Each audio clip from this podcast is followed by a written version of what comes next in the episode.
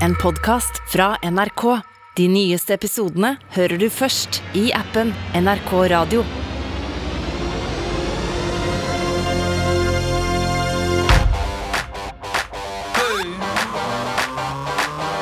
Popkorn over politikk med Sean Henrik Matheson og Gjermund Stenberg Eriksen.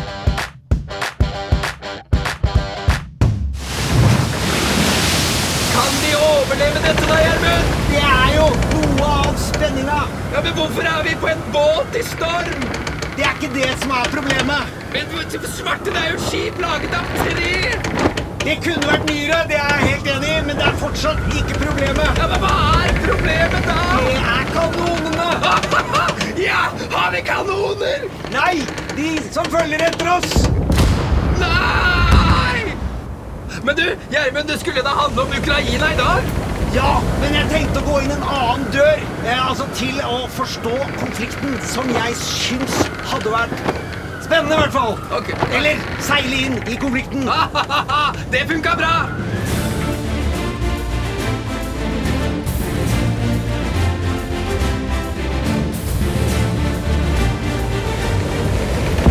Det blir jo jækla masete å skrike hele. Jeg er helt enig. Kan vi få på de noise cancelling headsetene Der, oh, Der, ja. Det var deilig. Sånn. Jo, fordi det er ett ord som Blinken og Biden og Stoltenberg og VG og NRK og Ferset og hva som helst har brukt i mange, mange uker. Ja. Og det er false flag. Ja, false flag. Hva er det igjen? Ja, det er nettopp det. Og jeg har fordypt meg ganske mye, faktisk, i sjørøverhistorie det siste halvåret. Jeg digger en god, solid sjørøverfortelling.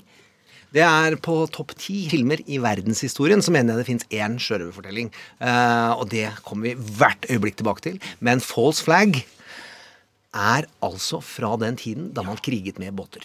Og hvor pirater og privateers, som er en helt egen form for pirat, Ja. kom seg nærmere andre båter ved å late som de er venner. Og så hadde de venneflagget. Venneflagget, venneflagget, venneflagget. Å nei, det er raneflagget! Så får man lyden av det svarte flagget som tuk, tuk, tuk, tuk, tuk. Noen brukte eh, hodeskalle på slike flagg, men det var ikke slik at alle Det var ikke en kode. Det var eh, svart flagg for å sette frykt i folk. Så klart. Så false flag operations er eh, historisk fra den tiden da det å bløffe for å komme nærme, og så utøve det man ofte glemmer i sjørøversammenheng, grov vold. Gjerne plyndre og drepe, og senke det andre skipet, eller overta det andre skipet. Vi skal ikke ta eh, de tekniske sidene ved sjørøverhistorien.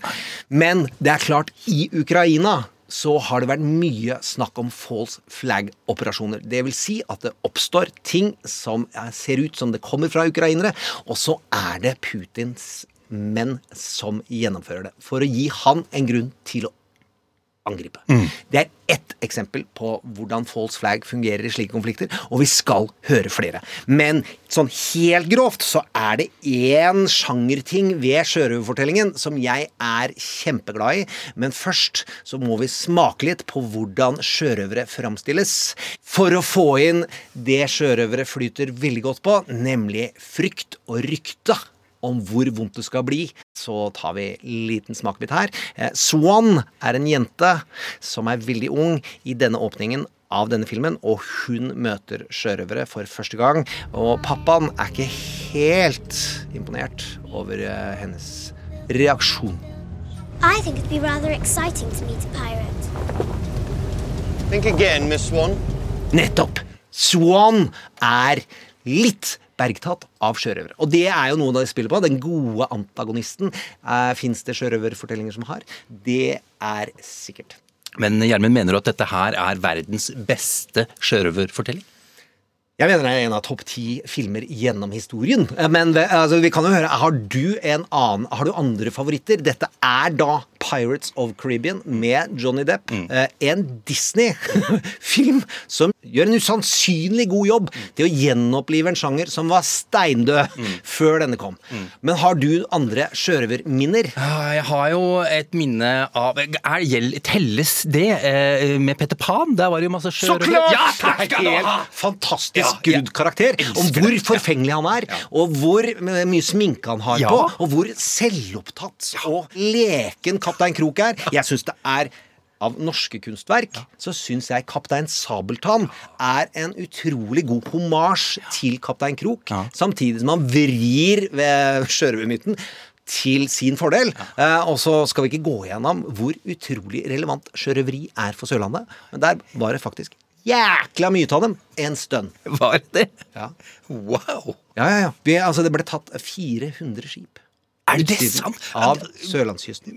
Når- på få år, Ja. rundt 18, eh, mellom 1808 og 1812. Med enda drøyere, det er jo at eh, i grunnlovsgjengen vår, blant de 100 grunnlovsmennene, så var det 25 av dem, tror jeg, nå tar vi fritt etter hukommelsen, som investerte i sjørøverselskaper. Stemmer, nå Ja, ja, ja. nå ringer jeg litt til! Og er der kommer Kaptein Sabeltann inn. Så er vi tilbake i Johnny Depp, som vi kunne snakket om i hvert fall 400 timer om hvor flink skuespiller han er. Inntil han er ferdig med Pirates of Caribbean, så har han lagd mye rart etter det. Altså. mye rart. Men i den her så har han jo gått til hvem er forbildet for karakteren. Ja, du tenker på Keith Richards fra Rolling Stones. Ja. Eh, han gjør noen utrolig modige grep, som er spillet hans. Men hvis man går igjennom beat by beat, scene for scene, hvordan denne kvarter for kvarter bygger interessen din, og gjenoppliver interessen din for hva sjørøverfilm burde være i livet ditt, helt fabelaktig. Så til de underliggende, virkelig store tingene som nesten all sjørøverfilm har, og som selvsagt Pirates of Caribbean har, bortsett fra eh, der den, denne sammenligningen eh, dundrende bommer på Ukraina og Russland, eh, så har den humor. Mm. Men vi bruker mørke og moro til å forklare mørke. Så deception. Det å bløffe, det å ljuge, det å lure motstanderen til å tro noen ganger at du er større enn det du er, og noen ganger til at du er mindre enn du er, det er en ekstremt viktig del av all sjørøverfortelling. Den du ikke nevnte i stad, som ikke tar lenge, men siden vi er i Norge, Fantomet er jo basically i bunn en sjørøveropprørerfortelling. Og han organiserte jo fire sjørøvere til å gjøre de gode, og det var grunnlaget for Jungelpatruljen, Det gode stein. Homasjmessig så har vi mista alle lyttere under 40 nå. Var det Sing? De går Var det- videre. var det Nei, Sing? Sing er de onde. Det er de onde, det. Ja, Ok, sorry, Det var, ja. det var Rødskjegg, det var Eil Dame, og det var Lafayette. Av en eller annen merkelig grunn. Altså, han som skrev Fantomet, er altså den minst bereiste mennesket i verden. For han bommer på land, han bommer på farger, han bommer på etnisitet. Og jeg slutta å lese Fantomet da det kom i farger. for Ja, det var- jeg også. Det var mye er morsommere i svart-hvitt. Ikke bare morsommere, men det så ikke så drøyt teit ut at én hvit mann bestemte over alle svarte i, på hele planeten. Ja, det gode gamle White Man's eh, Hva heter det igjen? Siste deception-poeng. Inne i Pirates of Caribbean så spiller de et lite terningspill som jeg syns alle skal google seg fram til, for det er verdens beste bløffespill. Raffle.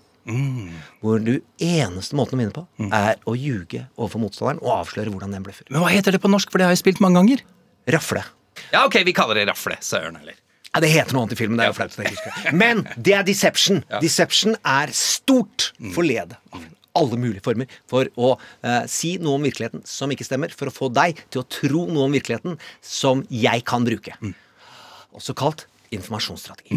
Wow! Men så har vi det andre, nemlig frykt. Det er utrolig viktig at motstanderen er redd. Det fungerer demobiliserende på innsats, og det forvirrer, og det gjør jo, vet jeg, fordi jeg har prøvd et par ganger, å kunne mye tekst når man står på en scene. Eller jeg sto foran et kamera. Og jeg pleier å huske tekst, men så ble jeg redd. Og så forklarte Henrik Mestad meg det etter at vi hadde Henrik Mestad på sendinga. Gå og finn den episoden. Når du blir redd, glemmer du alt. Ja. Du går i fryktmodus. Ja, og du er virkelig ikke flink til å ta rasjonelle og i hvert fall kloke avgjørelser. Så frykt er kjempeviktig i sjørøverfortelling.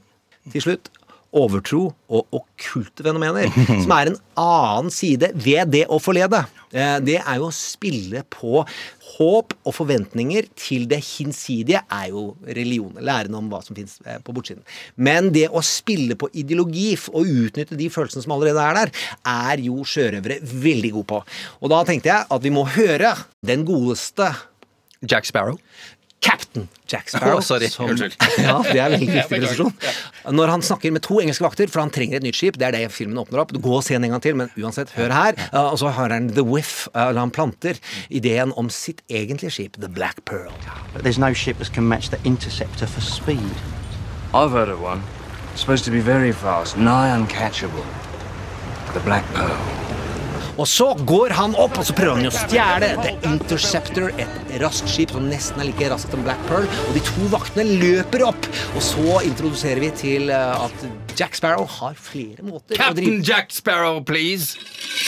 Jeg skjærer nå over egen strupe for å gjøre den feilen. Og det er til Embla Bugge, min kjære medforfatter, som er Pirates of Caribbean-fan, så som ba meg aldri glem å si Captain Jack Sparrow.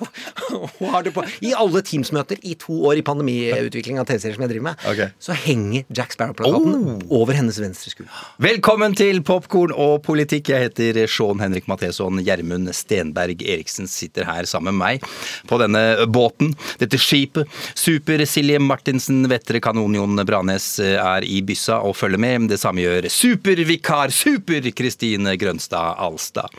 Eh, Vi forklarer det som skjer av politikk rundt omkring i verden, og fokuserer på de stedene der demokratiet er truet, ved å sammenligne med de metodene og grepene TV-serieskapere og filmskapere bruker for å lage spennende drama. Ho-ho! Det er jaggu godt at du er serieskaper, Gjermund, og reklamemann. Eh, Du veit hva som eh, funker. Eh, Og vi kan jo trygt si at eh, demokratiet i, Ukraina er eh, trua, og det er et annet antidemokrati som sørger for Russland. Ja, blir det krig eller ikke? Ruster Russland opp ved grensen eller ikke? Trekker de seg tilbake eller ikke? Dette er det mest akutte for tida, derfor skal vi også snakke om dette i dag. Og det skal vi gjøre ved hjelp av Russland- og Ukraina-ekspert Jon Færseth. Han var i Ukraina i går senest. Han har tatt bussen, Gjermund, har jeg skjønt, og er nå i Moldova. Vi skal snakke om desinformasjon i dag, kampen om sannheten. Sjørøverfortellinger, som vi har vært inne på, har jo ofte i seg overtro og magi, og vi skal snakke om en mann som blir kalt Putins Rasputin, Alexander Dugin. På mange måter en ekte sjørøver, i hvert fall mentalt.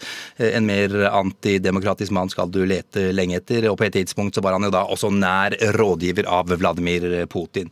Og hvordan har han da påvirket den russiske presidenten? Og det bringer oss over til, til Putins skal vi si, psykologi.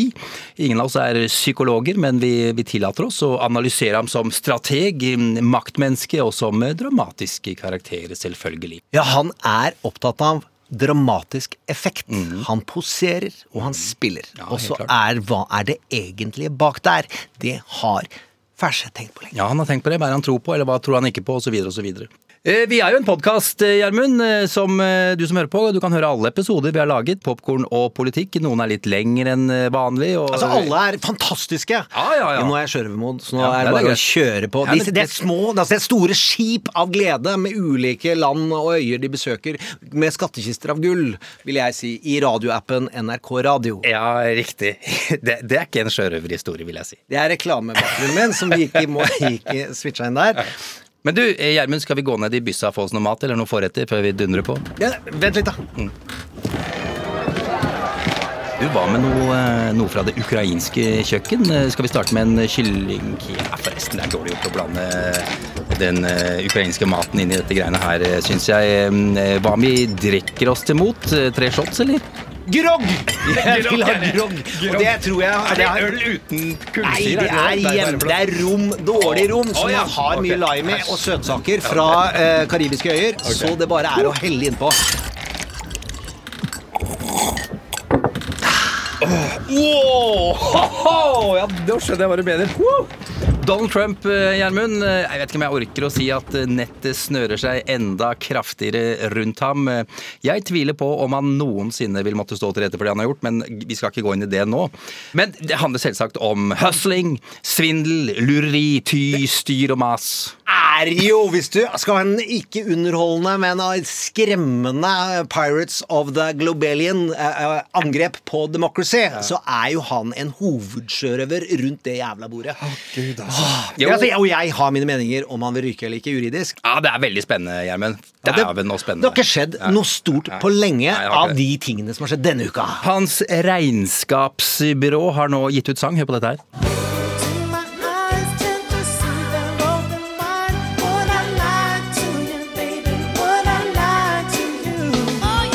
Det er jo Charles og Neddy. Ja, Det er regnskapsførernavn. Det høres nesten sånn ut. Det er regnskapsførernavn, så det er bare å se for seg hvite bukseseler og eh, relativt kjedelige personligheter som de prøver å friske opp med kule briller. Mm. Fikk det ikke til. Men Mazar, som dette regnskapsbyrået heter, eh, nei, de vil ikke lyve lenger. Men jeg, jeg veit ikke om de har gjort det heller. De, uansett, Mazar har kasta Trump ut av sin eh, portefølje. De vil ikke ha noe med ham å gjøre lenger.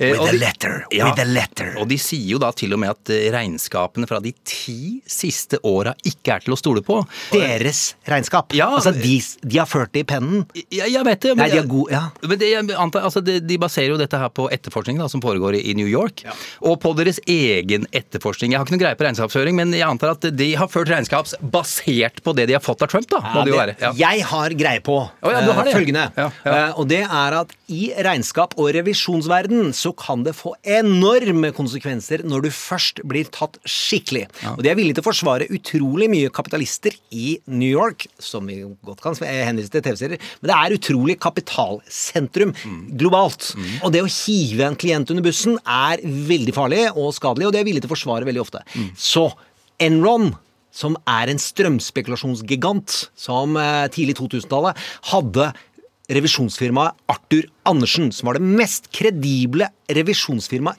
i verden. Når de først ble tatt for å ha juksa, så gikk Arthur Andersen konkurs her i Norge på en måned. Det har noe med alvoret å gjøre. Sånn som man ikke skjønner at det brevet, når et regnskapsrevisjonsfirma i New York gjør det, da er det gunpoints som peker på dem. Det andre er jo at samme uke så har jo stevning You've been served gått i fleisen på både barnet Don Junior og Hva heter blondina? Jeg har glemt det. Du tenker på Ivanka. Ja, det er fordi det noe som har skjedd de siste dagene, er at uh, påtalemakten i New York har jo fått da medhold i at Trump uh, blir nødt til å vitne om da denne svindelen han har. Altså, han har jo satt kunstig høy pris eller verdi på flere av eiendommene sine for å få mindre skatt og, og mer lån og sånne type ting. Ja. Innen 21 dager så må han gi vitnemål. Foreløpig. Så ankes dette og alt mulig, men du får ikke, hvis du ikke har gode kort, så får du ikke gjort dette uh, sånn. Så! Vårt drama, som er egentlig altså vår podkast, lever jo godt med Trump i fengsel, mener jeg. Men jeg tror noen av lyttertallene vil bli borte. Så, så, vi, så vi håper Det blir ikke så spennende lenger. ja, ja, ja, men allikevel. Sjørøversak nummer to. Ja. En ting som jo ble borte under Trump sitt eh, presidentskap, eh, er tilbake. Eh, Nei, snakker ikke om demokratiet, det henger jo fortsatt i lufta, som jo er det beste vi kan kan håpe på, på Gjermund. Vi snakker om komikere som får opptre på The White House Correspondent Dinner. Det var jo en eh, lang eh, tradisjon der presidenten og hans stab eh, ja, på et vis ble roasta, jeg vet ikke hva heter det på norsk, altså de ble vitset om da, på en måte. Et eksempel fra 2011, Seth Myers gjorde det. Donald Trump has been saying that he will run for president as a Republican, which is surprising since I just assumed he was running as a joke. Ja, ja, ja. Han er veldig morsom. Ja, dette er en stor, stor tradisjon. Her sitter da hele Washingtons pressekorps, noe viktigere, veldig mange fra Senatet og Representantenes hus, og høyesterettsdommerne, og utrolig mange av ambassadører og sjefer for alt mulig politikk. Så dette er underholdnings... Dette kalles Oscar-aften for amerikansk politikk. Men, men det var jo ettermiddagen i 2019, Gjermund, der eh, komikeren Michelle Wolff eh, klinka til, må vi kunne si. Like a porn star says when she's about to have sex with a Trump, let's get this over with. Eh, Hun var ganske drøy, og da orka Det syns Trump var vanskelig. Ja, men det er ikke Trump som styrte det her. Nei, Der kommer vi med den store, store skammen Ja. av alle. Av det mest viktige blant det uviktige som skjedde i Trump-perioden, var det at White House Correspondence Dinner-sjefene De avlyste det å ha komiker. Og det er bare én ting å si. Skam over dem. Og godt at det er tilbake. Og det er Trevor Noah, arvtakeren etter Daily Show. Dette geniet fra Sør-Afrika, veldig morsom. som eh, behersker ut- utallige språk og alle humorkoder planeten har bydd på. Og Han vil by på i all fremtid. Ja, Han eh, skal da være komikeren på The White House uh, Correspondent. Men det er så ondt, og jeg syns du kan ta Kan ikke du ta en, uh, ta en litt mer håpefull godteribit? Jo, det kan jeg godt Ja, gjøre. da tar vi litt mer sukker i groggen. Jo, ettersom det er eh, sjørøvertema i dag, så vil jeg fortsette eh, å være til havs. eh, En skikkelig godbit. Jeg syns altså det var så koselig å lese om dette her. Det fikk meg til å kjenne på en viktig følelse håp! Å, det er så deilig havrelatert, har jeg sagt det er. Hør på dette her. I 2020 så bygde barn på en skole i New Hampshire en liten eh, forskningsbåt, halvannen meter lang med et lite seil på. I skroget la de inn brev og nydelige tegninger og bilder av seg selv. Eh, Båten ble sjøsatt, og 462 dager og 13 300 km senere strandet den ikke langt unna Smøla barneskole Vakkert. Nå har barna da i New Hampshire blitt gode venner med barna i Smøla. Nå facetimer de, de skriver brev til hverandre. Åh, folk får kontakt. Jeg er veldig Folk glad i, kontakt. flaske, jeg er glad i flaskepost. Det er jo en kjempeomtanke som går ned i den flaska, og så er det altfor mange flasker som ikke når noe. Gud, hvis ikke det er håp, så veit ikke jeg. Men nå skal vi straks eh, til en mann som eh, er ute og reiser, eh, og skal komme hjem igjen. Litt sånn som mange sjørøvere. Jeg syns jo Pogues høres ut som en gjeng sjørøvere. Ja, jeg er enig. Side to side, I must be on my way. So buy me beer or whiskey, cause I'm gone far away. I'd like to think I'll be returning when I can to the greatest little boozer and to Sally McLennan. Popkorn og politikk. To the greatest little boozer and to Sally McLennan. Og da skal vi direkte til Moldova. Jon Færseth, det er en glede å ha deg tilbake i Popkorn og politikk. Åssen står det til? Jo da, det står bra til. Jeg har vært i noen dager i eh, Odessa i, eh, Svartehavet. Det er klart at det ligger jo russiske skip i Svartehavet nå, og havna er mer eller mindre blokkert, selv om de har klart å finne en alternativ skipslei. Og folk er jo bekymra, men samtidig det er ikke så veldig mange som egentlig venter seg et direkte russisk angrep der, altså. Jon, du er forfatter, frilansjournalist med Øst-Europa som spesialfelt. Du kan Russland og Ukraina spesielt godt, to land du har studert grundig i, i mange, mange år.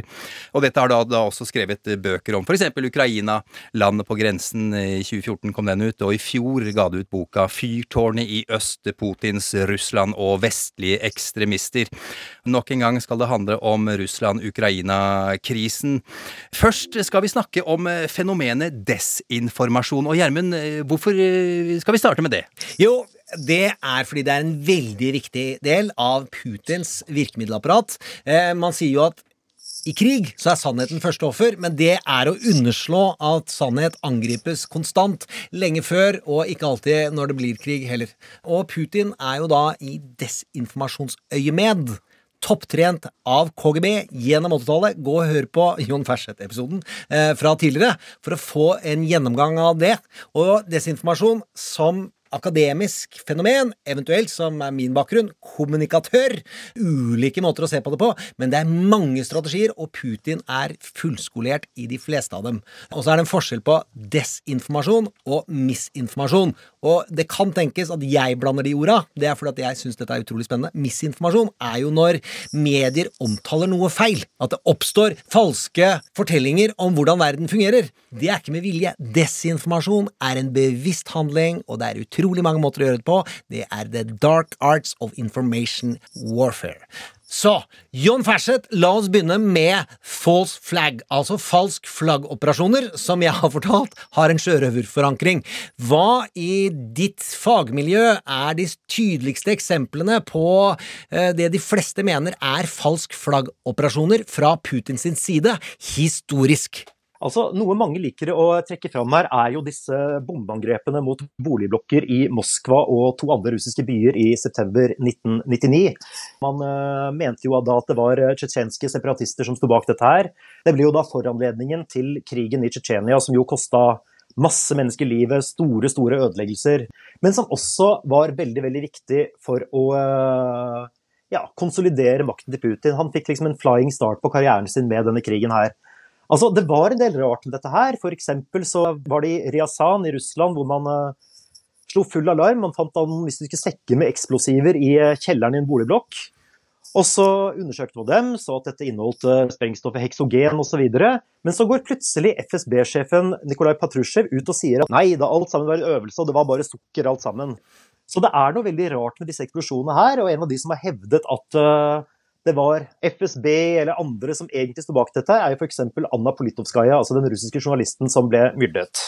Til det her, folkens, så er det kvalifiserte spekulasjoner, som er noe annet enn konspirasjonsteorier. Og så er det jo det med en suksessfullt falsk flaggoperasjon skal jo virkelig ikke da kunne hektes på noen. Det høres jo veldig sånn 9-11 truth det her ut, det her, men i dette tilfellet så tror jeg det er grunn til å ha en mistanke om at myndighetene gjorde dette her for å ha en unnskyldning til å starte en krig i Tsjetsjenia som jo ga Putin en skikkelig flying start på karrieren hans som president, dessverre.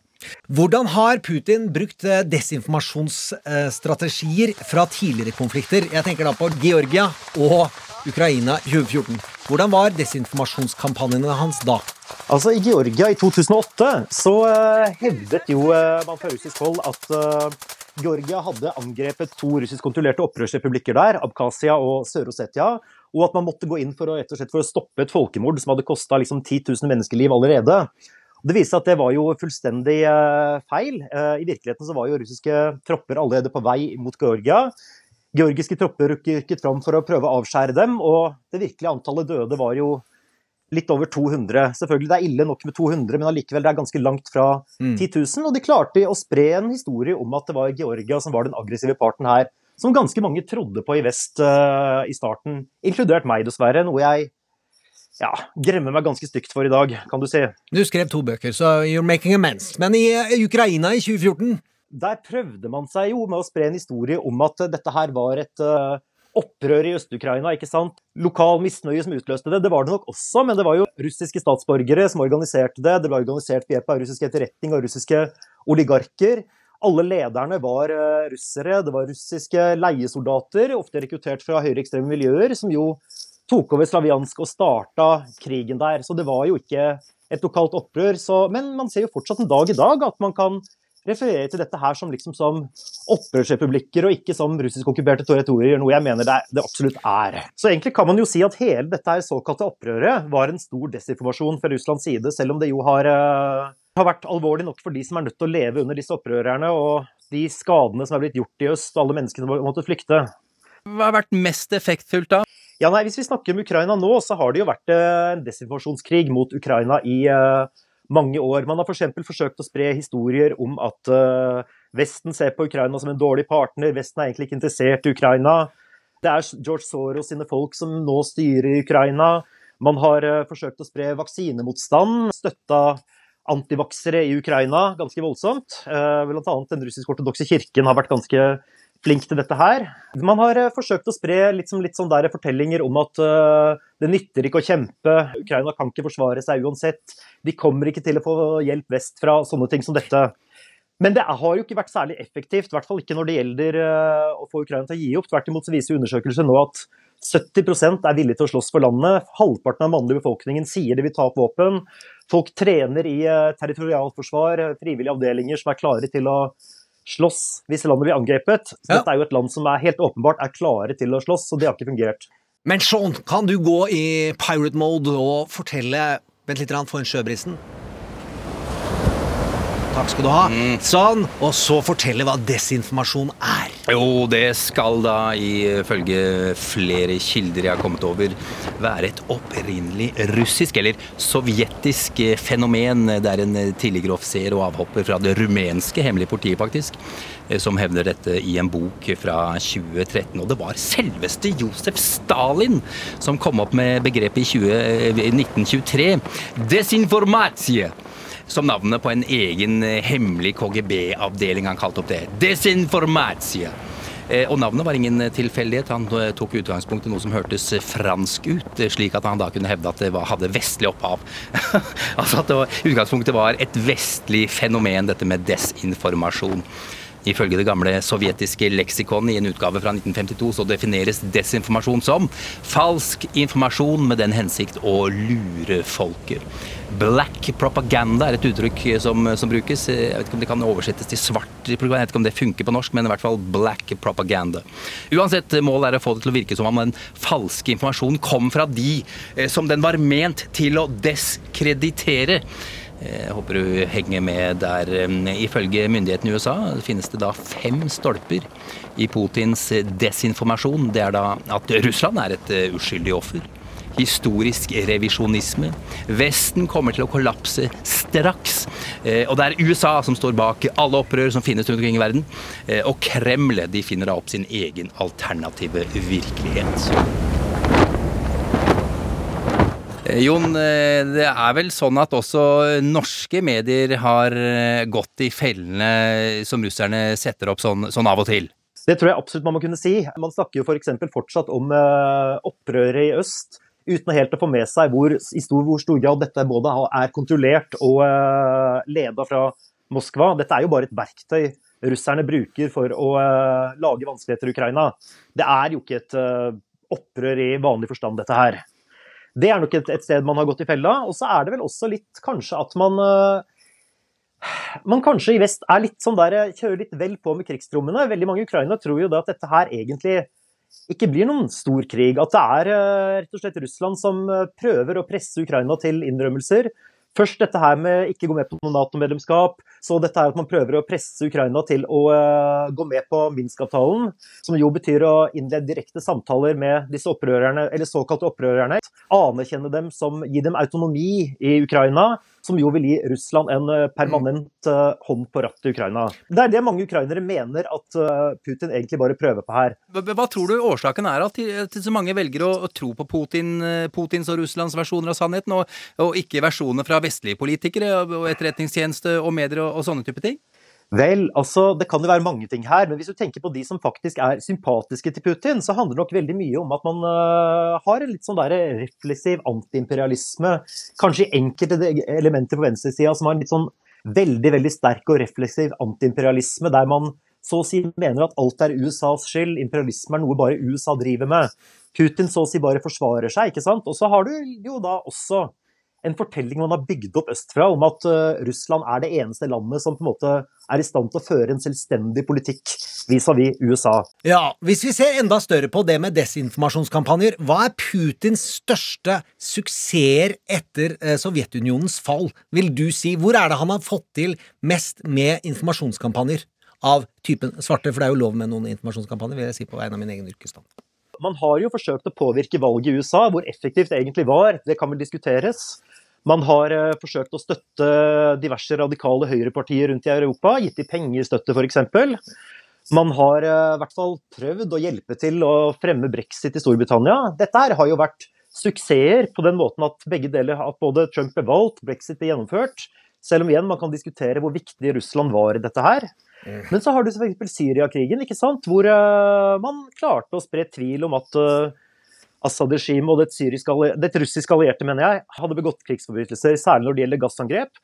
Der har vi jo både nord flere nordmenn som har falt for dette her, inkludert en del kjente norske akademikere, dessverre. Ja, og der Så har det kan man jo si er en suksess, selv om det ikke egentlig klarte å plante den fortellingen i mainstream-media. Siden jeg elsker å diskutere, så vil jo jeg si at russerne var utslagsgivende for at Trump kom til makten på følgende vis, for en del av desinformasjonskampanjer er jo å plante kompromat i offentlige pressen. Og Hillary Clintons e-mails og kampanjesjefens e-mails de var utslagsgivende for at hun tapte, ifølge valgforskning. Så tar vi ikke hele debatten denne gangen, for her eh, er det mye å si som vi tar seinere. Og det er også viktig at vi aktiverer Røde armé-følelsene i kroppen. Det er en gjeng soldater som eh, har russisk pass, eh, og som noen har lagd litt sang om der også. Tenk på The Waterboys, eller?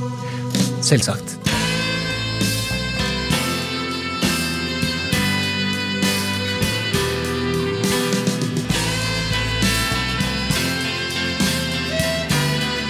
Popkorn og politikk.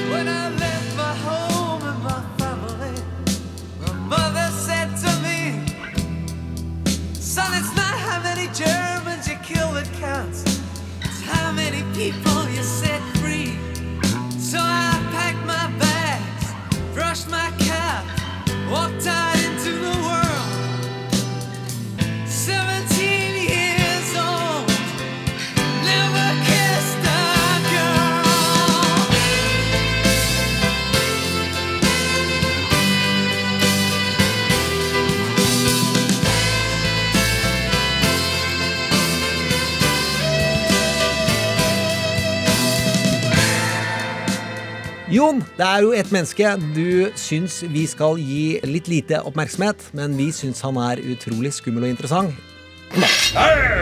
The legendary Captain Eggai Matheson.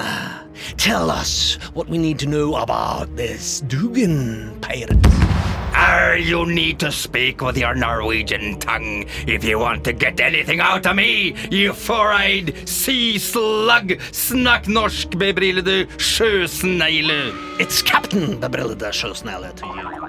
Dugin, kan vi få høre The Need to Know? Alexander Dugin. Som en ekte sjørøver har han langt hår, langt skjegg. Født i det herrens år 1962 i Moskva. Året da sjøsprøyten sto og atlanterhavsvindene blåste så hardt at bramseilene i Moskva revnet. Faren hans var offiser i den sovjetiske etterretningen, så han var en privilegert ung pirat. Han fikk etter hvert en solid utdannelse, har master i filosofi og doktorgrader i både sosiologi og statsvitenskap. På 80-tallet ble han med i Jusjinskij-gruppen. Der drev de med satanisme, det paranormale og andre okkulte ting. De syntes nazisme var en god idé, og de diskuterte en ny verdensorden, eurasiatisme.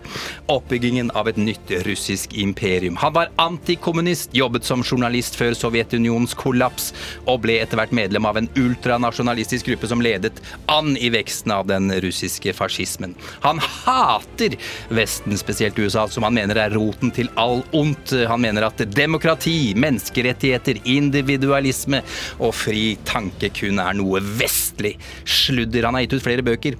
En har blitt lærebok hos den russiske generalstaben, noe som stresser statsvitere verden over. Og på et tidspunkt var han nær rådgiver av cap'n Redbeard, Vladimir Putin. Ras, ras, Rasputin. Han heter jo Rasputin, det har jeg aldri tenkt på. Jon, hvem er Dugin? Han er jo en eh, veldig veldig merkelig skikkelse. Han eh, brukte 90-tallet på å bygge et stort kontaktnett i høyreekstreme miljøer rundt omkring i Europa og i USA, bl.a. i det som senere skulle bli alt-right. Mye venner i Ungarn, mye venner i Frankrike og andre steder. Men altså, først og fremst er nok Dugen en mann som er veldig veldig dyktig på å eh, brande seg selv. Men ok, han fikk en, faktisk en viss innflytelse i Russland utover 2000-tallet. Han eh, ble f.eks. professor i sosiologi ved universitetet i uh, Moskva.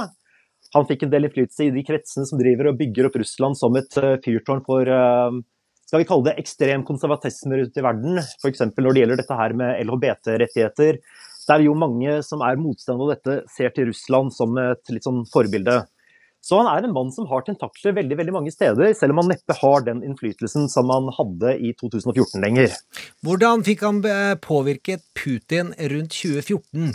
Om, om Dugen egentlig fikk påvirket Putin, det er veldig vanskelig å si, men man hadde jo f.eks.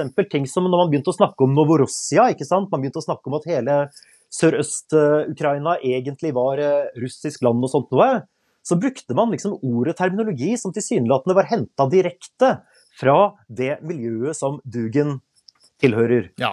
Og man så jo også hvordan man rekrutterte folk til å være med og slåss på uh, Krim, og være med og uh, slåss i Øst-Ukraina. Mye av dette var jo folk fra, fra, russisk ytre høyre som ser ut til å ha blitt rekruttert direkte inn fra Dugen sine miljøer. For ikke å snakke om hvordan uh, folk fra Europa som sympatiserte med Russland, særlig fra ytre høyre miljøer, helt åpenbart var folk som var, hadde vært i kontakt med Dugen tidligere. Så han spilte helt åpenbart en rolle der, men hvilken forbindelse han hadde til Putin, det tror jeg er veldig veldig vanskelig å si. Det tok slutt når det viste seg at uh, Ukraina ikke kollapsa som et korthus likevel. Man sluttet å snakke om Novorossia og folk som Dugen og de folkene rundt han, som jo også hadde vært med å opprette disse opprørsrepublikkene, de mista mye av den innflytelsen de hadde for hatt, tror jeg. Helt kort, det er et fenomen i hans filosofi som er ganske interessant. Hva er aurianismeteorien? Eurasianisme det er en uh, tradisjon som går langt tilbake, går sikkert 100 år tilbake i Russland. Men veldig kort forklart så er det ideen om at Russland er en egen sivilisasjon. Eller ikke bare Russland, men hele det tidligere Sovjetunionen er en egen sivilisasjon og en egen enhet. Som uh, befinner seg i en slags evig konflikt med det de kaller atlanterhavsmaktene, nemlig uh, særlig da USA og Storbritannia. Og tanken er på en måte det at Eurasia, liksom den russiske verdenen, sant, som også inkluderer Ukraina, Belarus, Kasakhstan osv., bør da alliere seg med Europa for å kaste ut amerikanerne. Det er liksom kortversjonen av dette. Men Jon, hva slags eh, verdensorden er det han eh, ser for seg, Aleksander Dogin? Nei, han snakker jo veldig mye om det han kaller en multipolar verdensorden. Altså at det må ikke være en verden som, sånn som i dag som er dominert helt av USA, men at det må være flere, liksom flere poler, flere sentra, og selvfølgelig skal da Moskva være en av dem. Samtidig så er han ikke helt negativ i USA likevel. For eksempel så har jo han etter hvert uh, hatt mye kontakt med Steve Bannon, og han har liksom litt den der at det Trump og andre representerer, det er på en måte det virkelige Amerika. Det er Middle America. Det er liksom de samme tradisjonelle verdiene der. Da kan man liksom leve i fred med hverandre. Hvilke andre er det Dugin har hatt forbindelser med av uh, politiske miljøer og politiske påvirkningsmiljøer i Europa og andre deler av verden? Vel, han har jo hatt veldig mye forbindelse med særlig den litt sånn intellektuelle delen av ytterste høyre. Det man kaller det franske nye høyre, f.eks. Og veldig mye av identitærbevegelsen, alt-right, liksom den litt sånn intellektuelle delen av ytterste høyre, der har Dugan vært, helt åpenbart vært svært viktig. Han snakker om sivilisasjoner som ting som på en måte springer ut av folkesjelen, har røtter dypt nede i forskjellige land, ikke sant, dette her. Når, når man i alt-right og sånn snakker om hvite etnostater, så spiller det veldig rett inn i det Dugen snakker om. Det tradisjonelle er viktig. ikke sant? I Dugens tilfelle er det det tradisjonelle slaviske, ortodokse Russland. For bandet er det det tradisjonelle USA. Konservative verdier, et USA som er isolasjonistisk, ikke har et imperium verden rundt, osv. Ja, og det jeg vil si, Steve Bannon er jo sett på som i noen populærkulturelle framstillinger som mannen bak Donald Trump. At han er nærmest Darth Vader og den onde strategen. Han bygde jo myten om seg selv, helt til han da ble frastøtt fra Trump. Kanskje ikke så ulikt det en del mennesker har trodd om Dugen. ikke sant? Det var en periode rundt 2014 veldig populært å snakke om han som Putins ideolog. Mm. Så kanskje man kan si at de har det litt til felles, begge to. At de er liksom veldig gode på å skape myter om seg selv. Kanskje gjøre seg selv litt viktigere enn de faktisk er. Litt sånn som sjørøverne, det, Gjermund. Vi skal snakke om en ordentlig sjørøverkaptein nå. Ja, men helt sjeldent skjeggløs. Ikke har han hår på brystet heller, som jeg syns er sjørøverfaglig svakt. Popkorn og politikk. Det var Knutsen fortalte fra sin dam. Han var sjørøverkaptein med en sort lapp over øyet. Han måtte smile skjevt for at alle skulle se. Han hadde gulltann på høyre side. Han satt og ventet på at stormen skulle løye. Han likte seg vær og flest når det kom nordavind fra sydvest. Han var en meget fryktet mann. Han satte mange skip i brann. Vi her i Popkorn og politikk vi har jo hatt uh, veldig mange forskjellige gjester. Og de fleste av dem, egentlig alle, har jo slått fast mange ganger at det i grunnen bare er én eneste ting som er viktig for Putin og hans toppfolk i den russiske ledelsen. Det er makt og penger. Nå var det to ting, for så vidt, men ok. Med andre ord, alle løgnene alle, all desinformasjon som kommer derfra, det er for å bevare makten og bli enda rikere. Men i januar i år, Jon, så skrev du en artikkel der du spekulerte på om Putin og alle disse menneskene rundt ham faktisk tror at Russland er beleiret av krefter som ønsker hegemoni i Europa og verden, og at det er nødvendig å stanse dem med militærmakt i, i Ukraina, bare for å sitere deg der, Jon. Har han løyet så mye at han nå tror det selv? Altså, Spørsmålet er om dette egentlig er løgner. Altså, du må huske at dette her er mennesker som De fleste av lederne i Kreml er jo mennesker som er gamle KGB-folk. De lever i en verden der den kalde krigen aldri tok slutt. Det er absolutt ikke utenkelig at en del av disse folkene her faktisk oppriktig mener at, ja, at det var en geopolitisk katastrofe, som Putin sier, da Sovjetunionen gikk i oppløsning. ikke sant? Mm. De mener at Vesten har liksom spist seg inn på deres tradisjonelle interessesfære og at de faktisk, tror jeg, faktisk oppriktig tror at det var USA, amerikansk etterretning og andre som sto bak disse såkalte fargerevolusjonene i Georgia, i uh, Ukraina i 2004 og i uh, 2014, den arabiske våren osv., at dette egentlig bare er strategier for regimeskifte i disse landene her, og at de faktisk da også prøver å bruke opposisjonelle menneskerettsorganisasjoner, demokratiorganisasjoner osv. i Russland som sine verktøy for å få til noe lignende der også. Jeg mener vi må være åpne for at dette er noe disse herrene i Kreml faktisk oppriktig tror.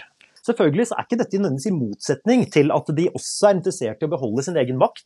At de er redde for å, bli, for å miste makten de har i Russland, redde for å miste alle pengene de har stjålet. Det er ikke nødvendigvis noen motsetning, men at de faktisk oppriktig mener at det er Vesten de bekjemper her, ikke egentlig Ukraina. Det tror jeg vi må være ganske åpne for. Vi har f.eks. Putins artikkel ikke sant, fra i høst, hvor han jo skriver at uh, Ukraina og Russland er en del av den samme De har felles historie, det er samme kultur, det er samme nasjon osv. Og, så og at det er liksom krefter vestfra som har prøvd å splitte dem fra hverandre og lage en kunstig ukrainsk nasjon.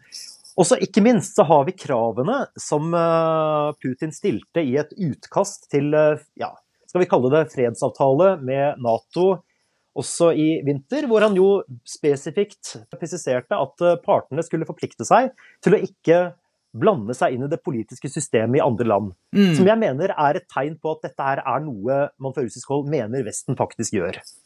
La oss bruke forstørrelsesglasset og gå utrolig tett på Putin. Hvordan han oppfører seg akkurat nå. Hvordan vil du beskrive hans handlinger som leder de siste fire månedene? Fordi min analyse av han er at han er veldig opptatt av hvordan han framstår. Både internt i sitt land, men hvordan han også fungerer i vestlige medier. For meg så virker det som han er veldig veldig opptatt av at det er USA som er fienden nå. ikke sant? Han er veldig opptatt av at han vil snakke med USA, ikke med ja, Europa. Eller ikke så veldig mye med Ukraina heller. Og at han på en måte er veldig opptatt av i hvert fall å lansere seg som en slags likeverdig motstander, likeverdig partner, slik Sovjetunionen var. At nå skal endelig Russland bli respektert igjen. Det tror jeg er veldig veldig viktig her. Men så kommer selvfølgelig noe annet her også, som er det at dette her har jo til nå egentlig ikke fungert. Altså, det er jo ingen som har gitt etter for kravene til Putin, så han sitter jo egentlig nå og har malt seg opp i et hjørne og øh, må prøve å finne et eller annet for ikke å miste ansikt. Altså et stort angrep fra Russland nå. Det vil jo egentlig sette dem i en mye vanskeligere situasjon. De kan ikke lenger hevde at uh, det er en borgerkrig i Ukraina, sånn som de har hevdet til nå. Da er det en krig mellom Russland og Ukraina. De mister et av de viktigste kortene sine for å presse og manipulere Ukraina, ikke sant? Igjen, alle de gjestene vi har hatt her eh, som snakker om eh, Ukraina, sier jo at eh, det er ingen som tror at det blir krig. Men hva er det som gjør at i de siste uka så har det vært Nå er det onsdag skjer det, nå skjer det, og nå er det Det er liksom det, det, det, I mediene så står det jo at USA og Norge og alle andre sier at nå smeller det snart, nå smeller det snart. Hva, hva kommer det av? Vel, for det første så er det jo eh, Så har de jo bygget opp store styrker på grensene, ikke sant. De er jo i stand til å gå inn og gjøre ganske mye stygt her. De har nå nettopp anerkjent disse her såkalte opprørsrepublikkene i Øst-Ukraina. Og vil da kunne si at eh, å, vi må gå inn for å redde dem, for å beskytte dem. ikke sant? Man driver jo nå og skyter med artilleri mot uh, Ukraina, for antagelig i håp om at Ukraina skal skyte tilbake.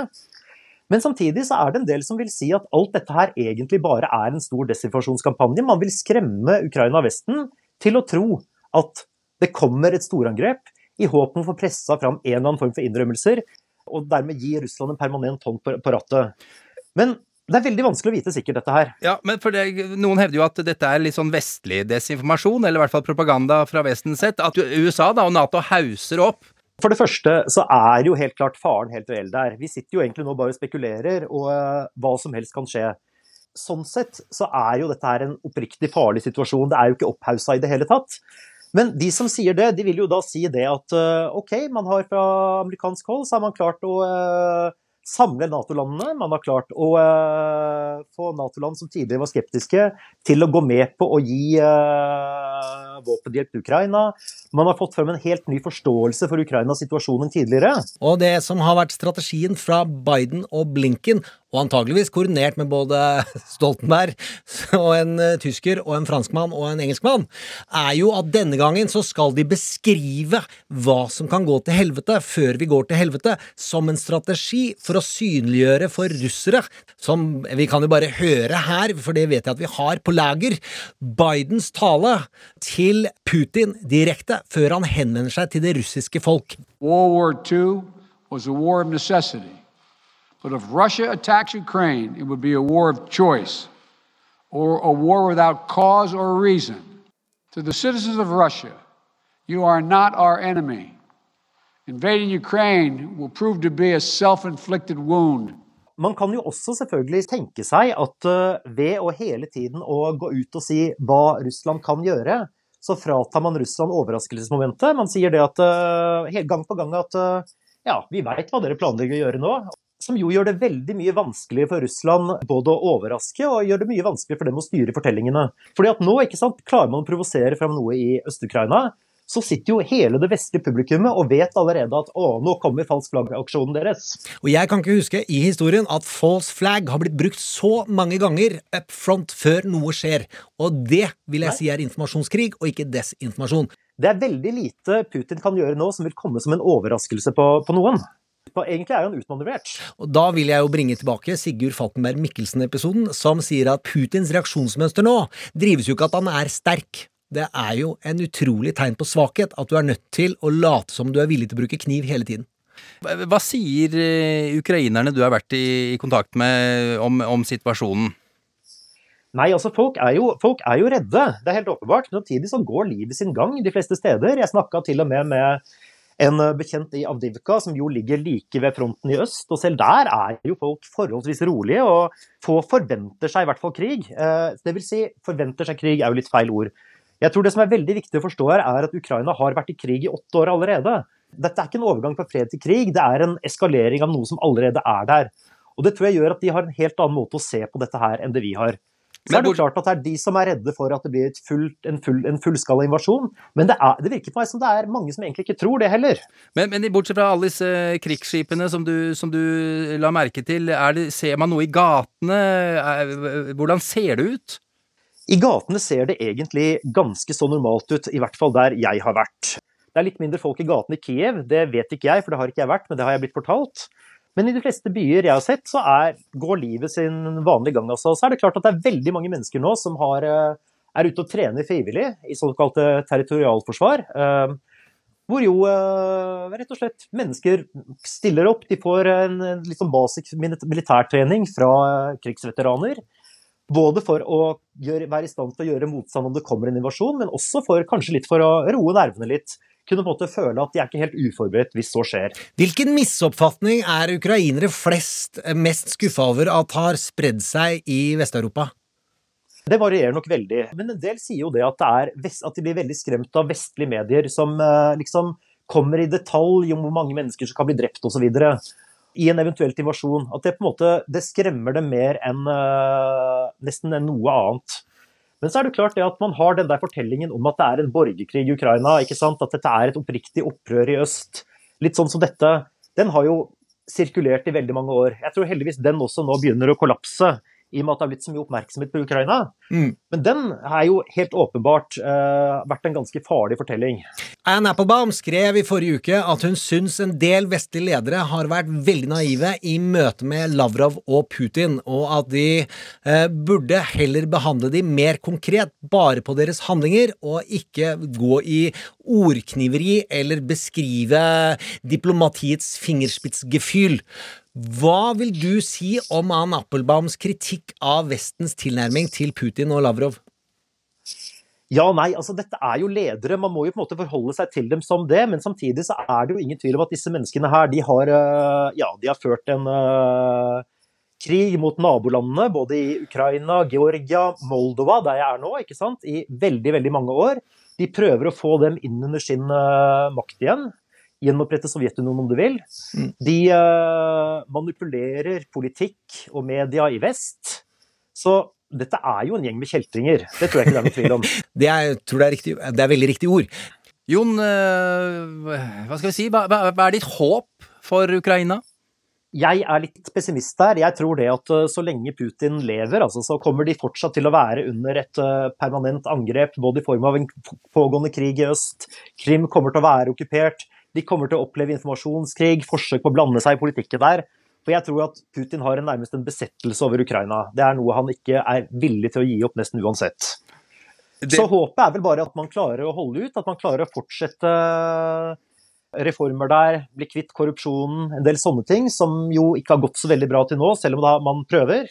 Fortsette å bygge Ukraina som et eh, demokrati, og holde Russland egentlig bare fra døra inntil videre. Jon Ferseth, velkommen tilbake til Norge. Eh, reis i fred. Vi gleder oss til å høre med deg igjen. Og hva kommer nå? Du sa det jo for så vidt i stad. Litt sånn sjørøveraktig band, The Bogues eh, Vi får satse på at det ikke blir altfor mye blodsutgytelse. Gud, vi håper det. The Cadillac stood by the house and the Yanks they were within. So Big Jim Dwyer made his last trip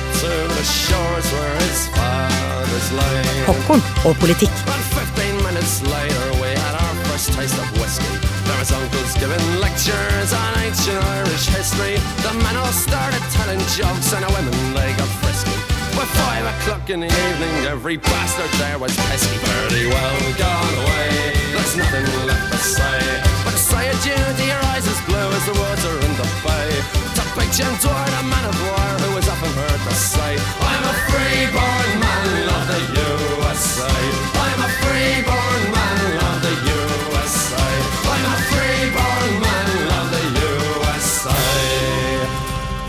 Og du bør jo høre andre episoder også med Færseth, altså om Putins oppvekst og, og KGB-bakgrunn blant annet. Ligger også i appen NRK Radio. Hva om du fyller på med Kvistad om Skottland?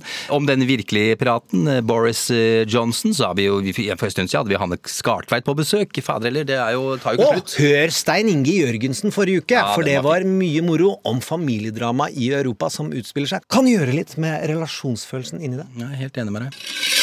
Sverd igjen, Gjermund! Sjølke! Det er ikke bra når du er teaterskuespiller og ikke får til piratene. La meg ta teatersceneversjonen, da. Sjølker og havets grunn. Anbefal spilleren til venner og familie, eller så skjærer jeg over strupen på Shaun. Han gjør det, så vær snill og lytt. Ja, det er altså innlevelse som trengs for å få piratfølelsen. Neste uke så skal vi til Frankrike, blant annet. Og der kommer Hvem kommer der sånn? Ja, det er selveste Simen Ekern. Ja, men først om håp og helvete. Og jeg lover at dette blir både varmt på den ene måten og ganske varmt på den andre. For det trengs. Ja, det er selveste NRK-korrespondent for NRK, Simen Ekern. Og alt som skjer i verden-leksikon på to bein, har han også blitt kalt.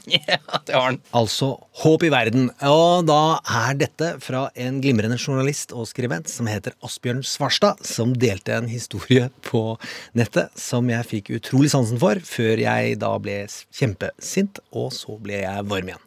Ei jente i Nord-Makedonia på 11 år som på vei til skolen hadde blitt vedvarende mobba over tid fordi hun har Downs syndrom. Og jeg har helt spesielle plasser i hjertet og hodet mitt til folk med psykisk utviklingshemma. Jeg var ti år, hadde jeg gleden av å ha deltidsjobb på en verna bolig i Rakkestad for å hjelpe folk med psykisk utviklingshemming, og vi hadde sommerleirturer en uke med fabelaktig hyggelige, varme og flotte mennesker. Som litt for mange av oss ser rart på når vi møter på T-baner i butikker og andre steder. Og det er også sånn at jeg har det fra slekta mi. Min pappa er født med handikap. Han er født med CP, og allikevel, med en del rare blikk og fortellinger i sitt liv om hvordan det er å bli sett på, så blir han sosionom og velger å Eller det er mamma som velger pappa, og det er jo et klokt valg og en imponerende kvinne. Men når de da er blitt gift, så flytter de til et sted som heter Østerbo i Halden. Langt inni en skog. Putta Norge folk med psykisk utviklingshemming og psykiatri i det som er helt hårreisende institusjoner. Der valgte pappa og mamma å bosette seg for å hjelpe dem, og en gang når han var hos tannlegen, så hadde mamma lillebroren min som baby i magen. og ta tannlegen spurte med boret i munnen til pappa om han likte hun som passa på han, og så sa pappa 'jeg er kona mi'. og da ropte tannlegen 'nå får de lov til å få unge ræv'. Pappa flytta til Rakstad og var med på å bygge ut det som kalles HVPU-reformen. At folk med utviklingshemming skal ha sine egne boliger og få sine egne liv. Og autonomi. Det å se rart på folk med psykisk utviklingshemming, det skjønner jeg er mulig, men det å være negative til dem og ikke hjelpe dem, det gjør meg aldeles rasende. Og det vakre i fortellingen til Asbjørn Svarstad var jo at presidenten i landet kom og fulgte henne til skolen for å synliggjøre at folk med downs skal ikke mobbes.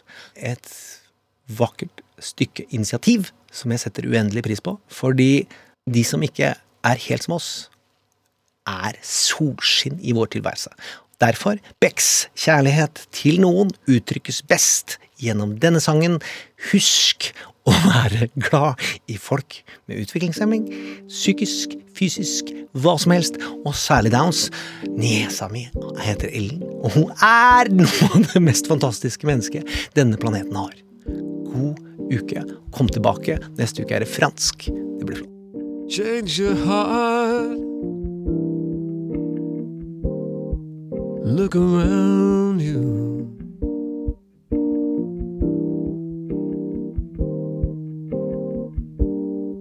Change your heart.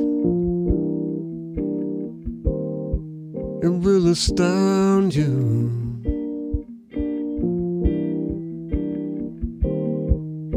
And I need your loving like the sunshine.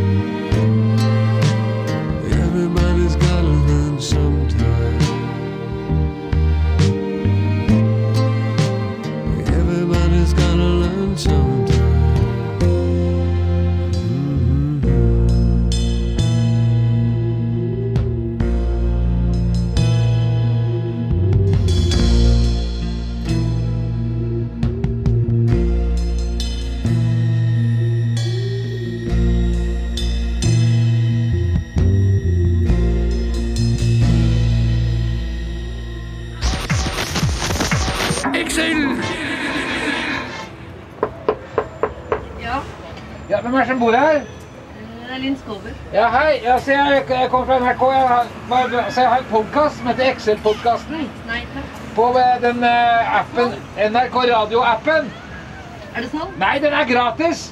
Eh, Ok, hvem er er programleder? Espen Thoresen er programleder på Excel-podkast. Ikke, ikke interessert. Nei, men kom igjen, da! Er det noen flere? Ja, Linn Skåber er med. Det, det er jo jævlig bra. Ja, men ja, ja, det er greit. En podkast fra NRK.